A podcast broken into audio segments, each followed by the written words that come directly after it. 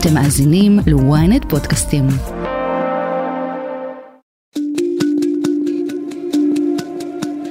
יכולנו לא לדעת לפני מספר שבועות על השיירה הסורית שעוברת מעיראק לסוריה, יכולנו לא לדעת מה יש בה, ויכולנו לא לדעת שמתוך 25 משאיות, זאת המשאית, משאית מספר 8, היא המשאית עם האמל"ח.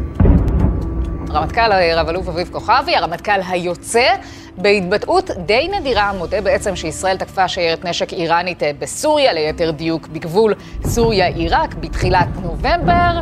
Israel's military says its jets have struck targets in southern Syria in response to earlier rocket attacks. ثلاثون عاما وإسرائيل تشن هجمات جوية بين الفينة والأخرى على أهداف داخل التراب السوري ישראל פועלת על פי פרסומים זרים כל העת בסוריה, במסגרת המערכה בין המערכות המב"ם. על רקע התחממות הגזרה עם חיזבאללה בלבנון, צריך לשים לב לכל הציר האיראני באזור. אבל מרכז ותיק, המעסיק עשרות אלפי עובדים בשם סרס, הולך ומתעצם לנגד עיניו הפקוחות של המודיעין הישראלי, והוא בעל יכולות ייצור נשק כימי. אז מה קורה בתוך אותו מרכז סורי? איך מעורבים בו האיראנים? כיצד פועלת ישראל מול האיום? ומה הסיכוי שנשק כימי אכן יזלוג לחיזבאללה? אני שרון קידון, וזאת הכותרת. The Iranian president is making what many here are calling a historic visit because it's the first time in 13 years that an Iranian president has visited uh, Syria, a country which is very close to Iran in terms of politically and economic uh, ties. Uh, Ibrahim Raisi has decided to make this trip. הנוכחות האיראנית באזור היום נראית לנו מובנת מאליה.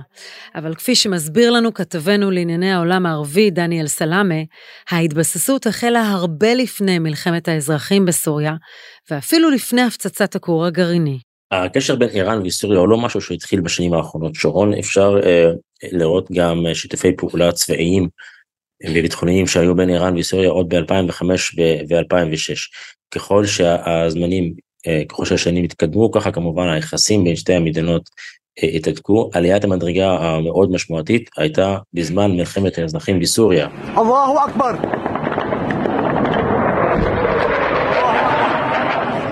Today marks 12 years since the beginning of the civil war in Syria. What began as civilian protests amid the Arab Spring uprisings of 2011 now, by some estimates, has killed at least half a million people, displaced millions more, and destabilized the region. באזור 2010-2011, כאשר אסד הולך והבין שהוא אה, כבר לא יכול להכיל את האירוע והוא מאבד שליטה, הוא צריך את העזרה ואת הסיוע מבחוץ, שבסופו של דבר, בסופו של תהליך ארוך שנים, הגיע בדמות חיזבאללה, בדמות איראן ובדמות רוסיה. אבל כבר בשלבים הראשונים איראן הייתה שם, איראן עמדה לצדו, וזה לא בא אה, אה, בחינם, איראן כן רצתה אה, איזושהי תמורה אסטרטגית גיאופוליטית מבשאר אסד בתמורה לנוכחות ולעזרה שלה שם, זה מתבטא בהרבה אופנים. חלק מהם זה חופש הפעולה המוחלט של איראן על אדמות סוריה, על מעברי הגבול בין סוריה לבין לבנון, הנוכחות של הפרוקסיס והמיליציות של איראן לאורך, אה, למעשה לאורך כל הרצועה שהם ירצו, החל מגבול ישראל, סוריה ברמת הגולן ועד לבקעה בלבנון, וכמובן נוכחות איראנית חזקה שרואים אותה בתוך סוריה גם לא בהיבט הביטחוני הצבאי זה בא לידי ביטוי גם באקדמיה זה בא לידי ביטוי בעסקים זה בא לידי ביטוי ביבוא ובייצוא מהמדינה וגם רואים את זה במטוסי קרגו איראנים שנוחתים בשדות תעופה ופשוט מוציאים ומכניסים סחורה שהיא אה, בסופו של דבר מניבה אה, לא מעט הכנסות ורווח לאיראן וזה בין היתר גם מאפשר לה עוד דריסת רגל ועוד התבססות בזירה המקומית, בין אם זה בהיבטים כלכליים, מסחריים, כמובן גם שזה בסוף אה, מתבטא באופן ביטחוני וצבאי. רק השבוע ראינו את מפקד כוח קודס במשמעות המהפכה, מבקר בסוריה, מתהלך לו בחופשיות בין אתרים צבאיים, ואומר שהוא מגיע לבחון מקרוב את המוכנות של האתרים האלה לקראת מלחמה. עכשיו, כל הדברים האלה לא נולדו יש מאין, והתהליך הזה כאמור התחיל לפני כמעט 20 שנים. מה האינטרס של ממשל אסד לתת לאיראנים חופש פעולה במדינה שלו? איראן אה, סייעה לאסד אה, בראייתו בהתמודדות עם אה, גל מלחמת האזרחים שהייתה בסוריה, עזרה לו להדוף בהרבה מאוד קרבות והרבה מאוד מצבים שאילולא התערבות איראנית ושל כוחות חיצוניים, ספק איך סוריה הייתה יוצאת מזה. עד הקרב האחרון שראינו שבו גירשו את, ה, את כל המורדים למעשה כל מי שפעל נגד השלטון, בתוך זה גם כל מיני תאי טרור כאלה ואחרים, מאזור דרעה ועד שריכזו אותם באזור אידליב, לכל אורך הדרך, איראן הייתה שם, צריך גם להגיד שנהרגו לא מעט אה, אנשי צבא, חיילים ואנשי משמרות המהפכה באיראן בשנים האלה, הם אלה שהיו לפעמים ממש בחוד החנית ובחזית של הלחימה בין חיילי אסד והמשטר הסורי לבין המורדים, הם סיפקו להם ידע, סיפקו להם אה, תוכניות, אמונים והדרכות, אה, בכירים, אפילו בכירים מאוד, בצבא איראן הגיעו לאדמות סוריה ובחנו אה, איך הם יכולים לקדם את השת"פ הזה. עכשיו, מה איראן מרוויחה מזה? קודם כל, זה מחזק את הנוכחות שלה במזרח התיכון, זה עוד חופש פעולה גדול מאוד בסוריה, וסוריה היא חוליה חשובה בציר העברות הקרקעי בין איראן ללבנון. אבל כשמלחמת האזרחים כבר מאחוריו, למה אסד עדיין צריך נוכחות איראנית על uh, אדמתו?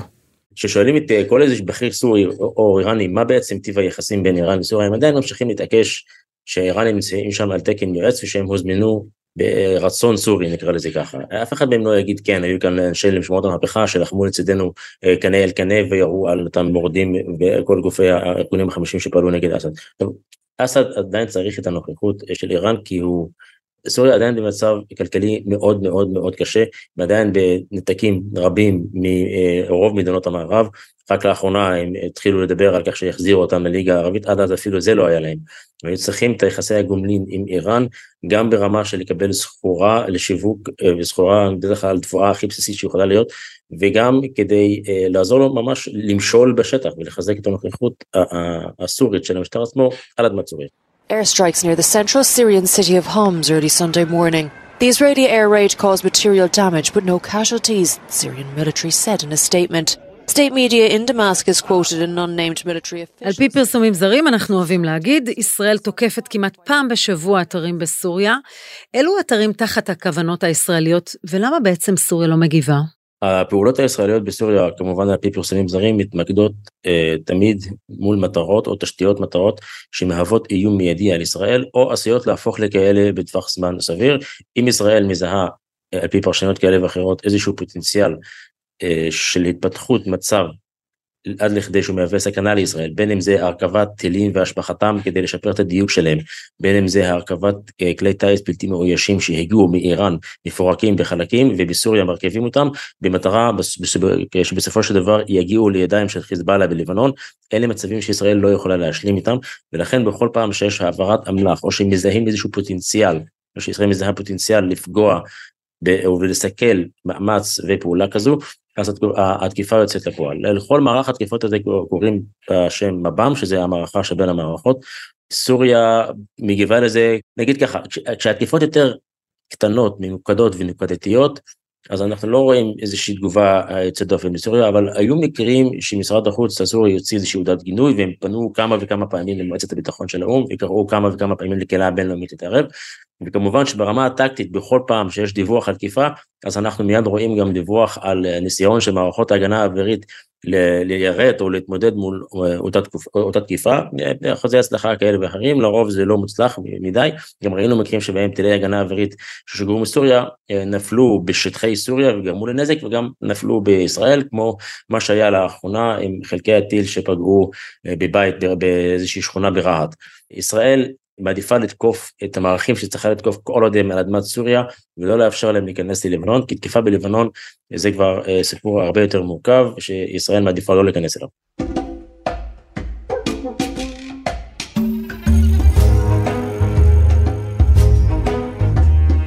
וזה אולי מסביר את השתיקה הישראלית הרועמת נוכח הפרובוקציות האחרונות. ישראל לא רוצה עימות עם החיזבאללה, אבל יודעת שהוא יקרה ואפילו בקרוב. החשש היותר גדול הוא ממלחמה רב-זירתית שתתחיל עם חיזבאללה בלבנון, תתרחב לגדה ולרצועה. אבל צריך לקחת בחשבון גם כניסה של סוריה למערכה, וכמובן שידה של איראן שם מנענעת את ההריסה כאן. קודם כל חיזבאללה הוא הלכה למעשה אה, זרוע ושלוחה איראנית, כך שאם חיזבאללה נכנס למלחמה עם ישראל, אנחנו למעשה נלחמים מול שלוחה של איראן, אז הם כבר פעילים. ההערכות המובילות הן שיש סבירות גבוהה שנראה גם כניסה של זירה אחרת למערכה, לא מן הנמנע גם שפעילי חיזבאללה ומיליציות איראניות אחרות שנמצאים באזור רמת הגולן הסורית ייכנסו למערכה. צריך גם להזכיר שחיזבאללה, אנחנו אמנם מכירים אותו מלבנון, בדגש על דרום לבנון, אבל יש נוכחות אה, די גדולה של חיזבאללה באזור רמת הגולן הסורית, בין דמשק לקונטרה, יש איזשהו אתר שנקרא סיידה זיינב, שמצד אחד יש לו משמעות דתית שיעית מאוד גדולה, אבל גם עם הזמן הוא הפך להיות איזשהו מוקד פעולה אה, במין בסיס אחורי, אחורי קדמי, אה, חיזבאללה איראני, ויש שם פעילות מאוד אינטנסיבית של הארגון, לכן זה יהיה סביר להניח שאם וכאשר תהיה מלחמה עם חיזבאללה, אנחנו צפויים לראות גם פעולות מכיוון רמת הגולן הסובייטי. בתוך אותה מלחמה יש שימוש בנשק חדש בטווחים והיקפי נזק, שרק הפירוט שלהם מעורר בחרדה. אנחנו מדברים על יכולת בליסטית שמכסה את רוב הארץ ובעלת דיוק מרבי. עוטף עזה, אומרים לי, זה גן ילדים לעומת מה שיכול לחכות לנו מצפון. את הנשק הזה מייצרים בין היתר במפעלים באיראן, אבל גם בייצור סורי מקומי ממש מעבר לגבול. אז מה עם אותם מרכזים איראנים שהולכים ומתעצמים בסוריה? הודעה קצרה ומיד חוזרים עם הכותרת. ynet פלוס החדש עם הסיפורים הכי מעניינים ומיטב הכותבים. חודש ראשון בחמישה שקלים ותשעים בלבד. למצטרפים חדשים כפוף לתנאי השימוש.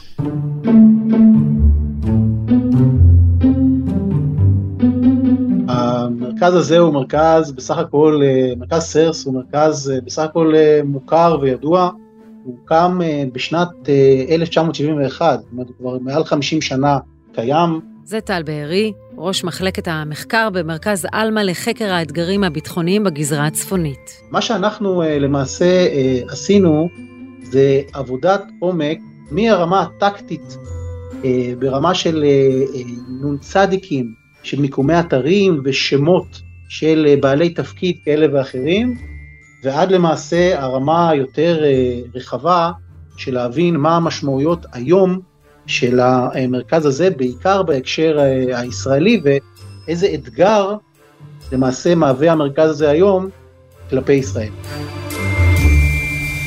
אנחנו יודעים כבר שנים ארוכות על מרכזי סטרס אה, למיניהם שמתקיימים, כמה אנחנו מפעילים כוח צבאי מולם ומתקיפים אותם במהלך השנים? מרכז סרס, אה, מעצם היותו אה, למעשה עוגן לפיתוח וייצור אמל"ח קונבנציונלי מתקדם, מותקף בשנים האחרונות, אני מדבר על העשר שנים האחרונות, לא מעט פעמים, על פי מקורות זרים, על באופן ישיר על ידי ישראל, והוא הותקף באופן ישיר גם על ידי ארצות הברית, לדוגמה ב-2018. My fellow Americans, a short time ago, I ordered the United States Armed Forces to launch precision strikes on targets associated with the chemical weapons capabilities of Syrian dictator Bashar al-Assad. מה שהותקף זה אזור אה, אה, המתקן המרכזי שלו במערב לדמשק במקום שנקרא בריזה, ארה"ב התקיפה את המתקן הזה בעקבות אה, אה, פעולה צבאית סורית שהשתמשה בנשק כימי כנגד אזרחים, וארה"ב הגיבה אה, בהתקפה של שלוחה של מכון 4000, שמעורב גם הוא בייצור של הנשק הכימי, ולמעשה השמידה את האתר לחלוטין. בוא נדבר על מסדרון האמל"ח שיוצא מאיראן, איך הוא מגיע לסוריה ואיזה סוג של אמל"ח עובר בו. המסדרון האיראני יוצא מאיראן למרחק של כאלפיים קילומטר ביבשה, ועובר למעשה דרך אה, איראן, דרך עיראק, דרך סוריה ועד ללבנון. המסדרון הזה למעשה אה, האיראנים הציבו אותו במספר, או יותר נכון בנו אותו במספר נתיבים, שמטרתו בסוף זה לממש את יצוא המהפכה האסלאמית למזרח התיכון. את שאלת לגבי האמל"ח, אבל לפני האמל"ח, צריך לזכור שהמסדרון הזה בסוף גם משמש למה שנקרא יצוא המהפכה גם לצרכים אזרחיים, גם לצרכים דתיים וגם לצרכים כלכליים. המסדרון הוקם על ידי האיראנים בעיקר למימוש מטרת האמל"ח, והעברת האמל"ח מאיראן, ממרכזי הייצור והפיתוח סביב טהרן לסוריה וללבנון. האמל"ח שמועבר שם זה אמל"ח אה, שמוגדר בדרך כלל כאמל"ח קונבנציונלי מתקדם, שיכול להיות מסוג של כטב"מים, טילים מסוגים שונים, וציוד צבאי שמיועד בסופו של דבר להגיע לחיזבאללה בלבנון, כדי שהם יוכלו להמשיך ולפתח באופן עצמאי כמו שהם עושים את האמל"ח על אדמת לבנון.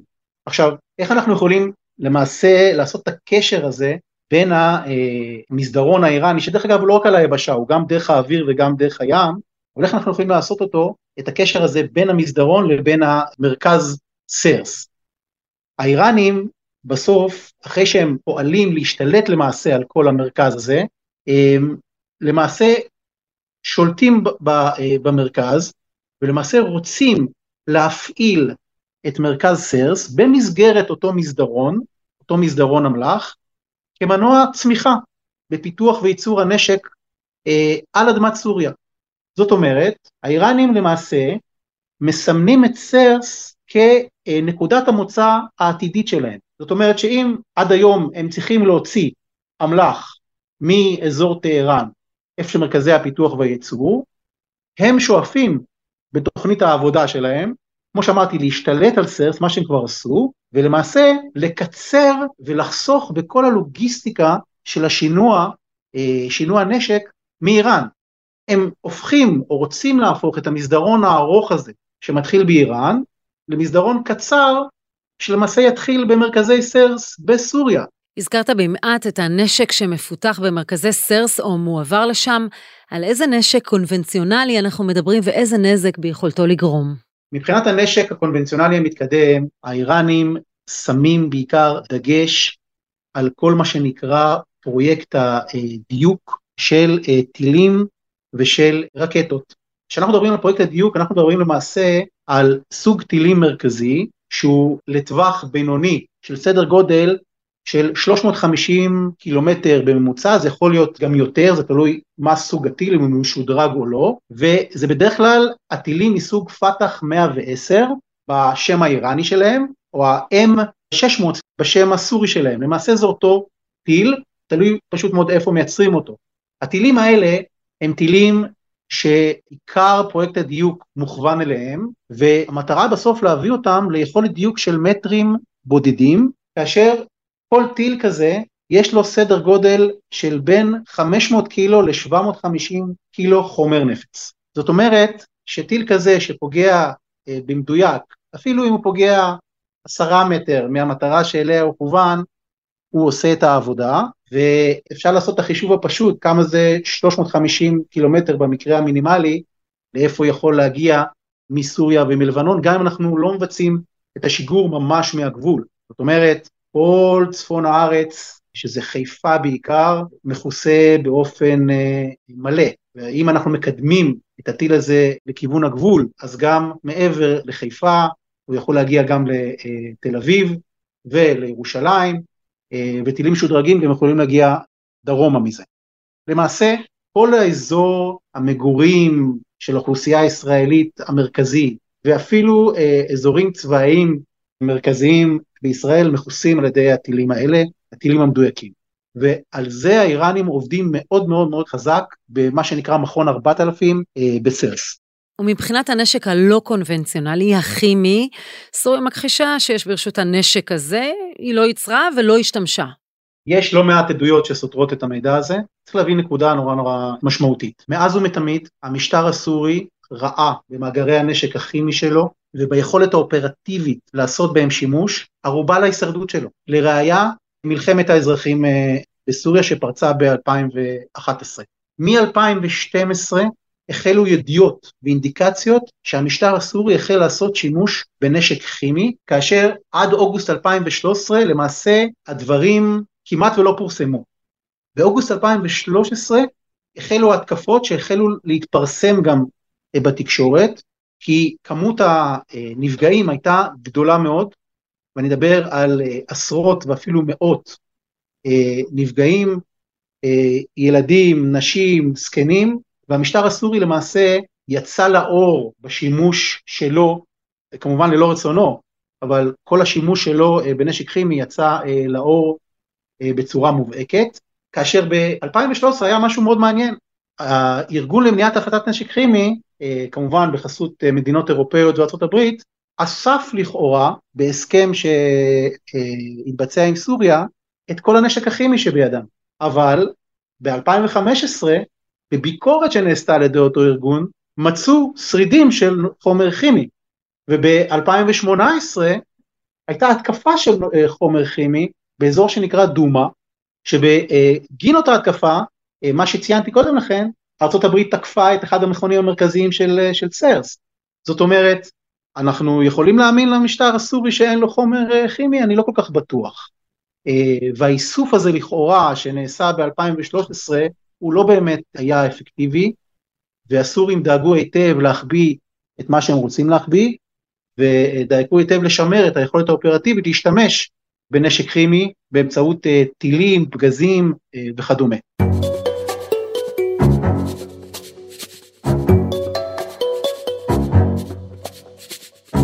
הרי נשק שמוחבא בסוף יוצא מהמסתור, ואחד החששות הגדולים ביותר בישראל הוא זליגה של אותו נשק לידי חיזבאללה. يعني بدي نبه الإسرائيلي اللي هدد باليومين ثلاثة وكل شوي يقول الحرب الكبرى الحرب عمهلك نحن عم نحكي عن الحرب الكبرى هاي الحرب الكبرى لبمعزل عن المواقف الرسمية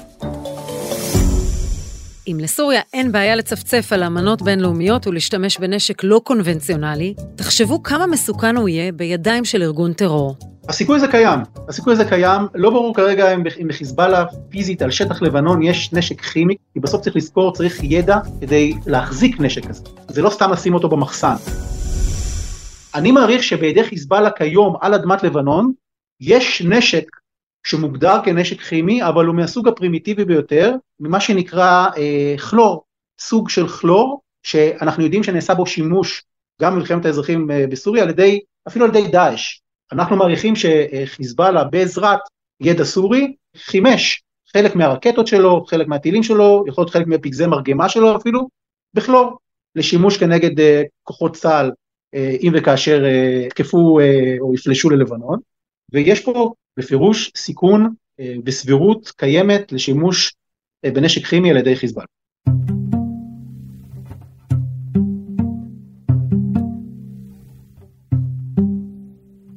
בחזרה אליך כתבנו דניאל סלאמה, אז בעצם איראן זה כאן. צריך להבין כמה המצב הזה הוא, הוא אפילו אבסורדי. תחשבי על גוף ביטחוני צבאי, אה, אני לא רוצה להשוות ולהבדיל אלף אלפי הבדלות, אבל נניח התעשייה האווירית בישראל, אה, ומגיעה מדינה זרה עוינת והיא די משתלטת על המקום, כלומר הפעילות של סרס אה, לסוריה לא הופסיקה, אבל יש שם אה, פעילות ניכרת מאוד, שכל המטרה שלה זה לקדם את האינטרסים ואת הפעולות של איראן, בין אם זה לפתח נשק, לפתח מערכות נשק ולשפר אותם. עכשיו, המכון הזה לפי כל מיני פרסומים זרים, שרון, אנחנו אה, יודעים, או לפי אותם פרסומים שישראל תקפה שם לא מעט פעמים, זה תמיד היה מערכות נשק או ניסיון להוביל ולהבריח מערכות אמל"ח כאלו ואחרות, ובסוף כל האינדיקציות וכל הסימנים וההצבעות מבלות למקום אחד, וזה טהרן. אנחנו כבר רואים פעילות של ישראל, על פי פרסומים זרים כמובן, במוקד הזה, ואני ניתן להעריך בסבירות אה, גבוהה שככל שהפעילות סביב המכון הזה תעלה, אז כך גם הנחישות הישראלית תסכל את אותה פעילות תעלה.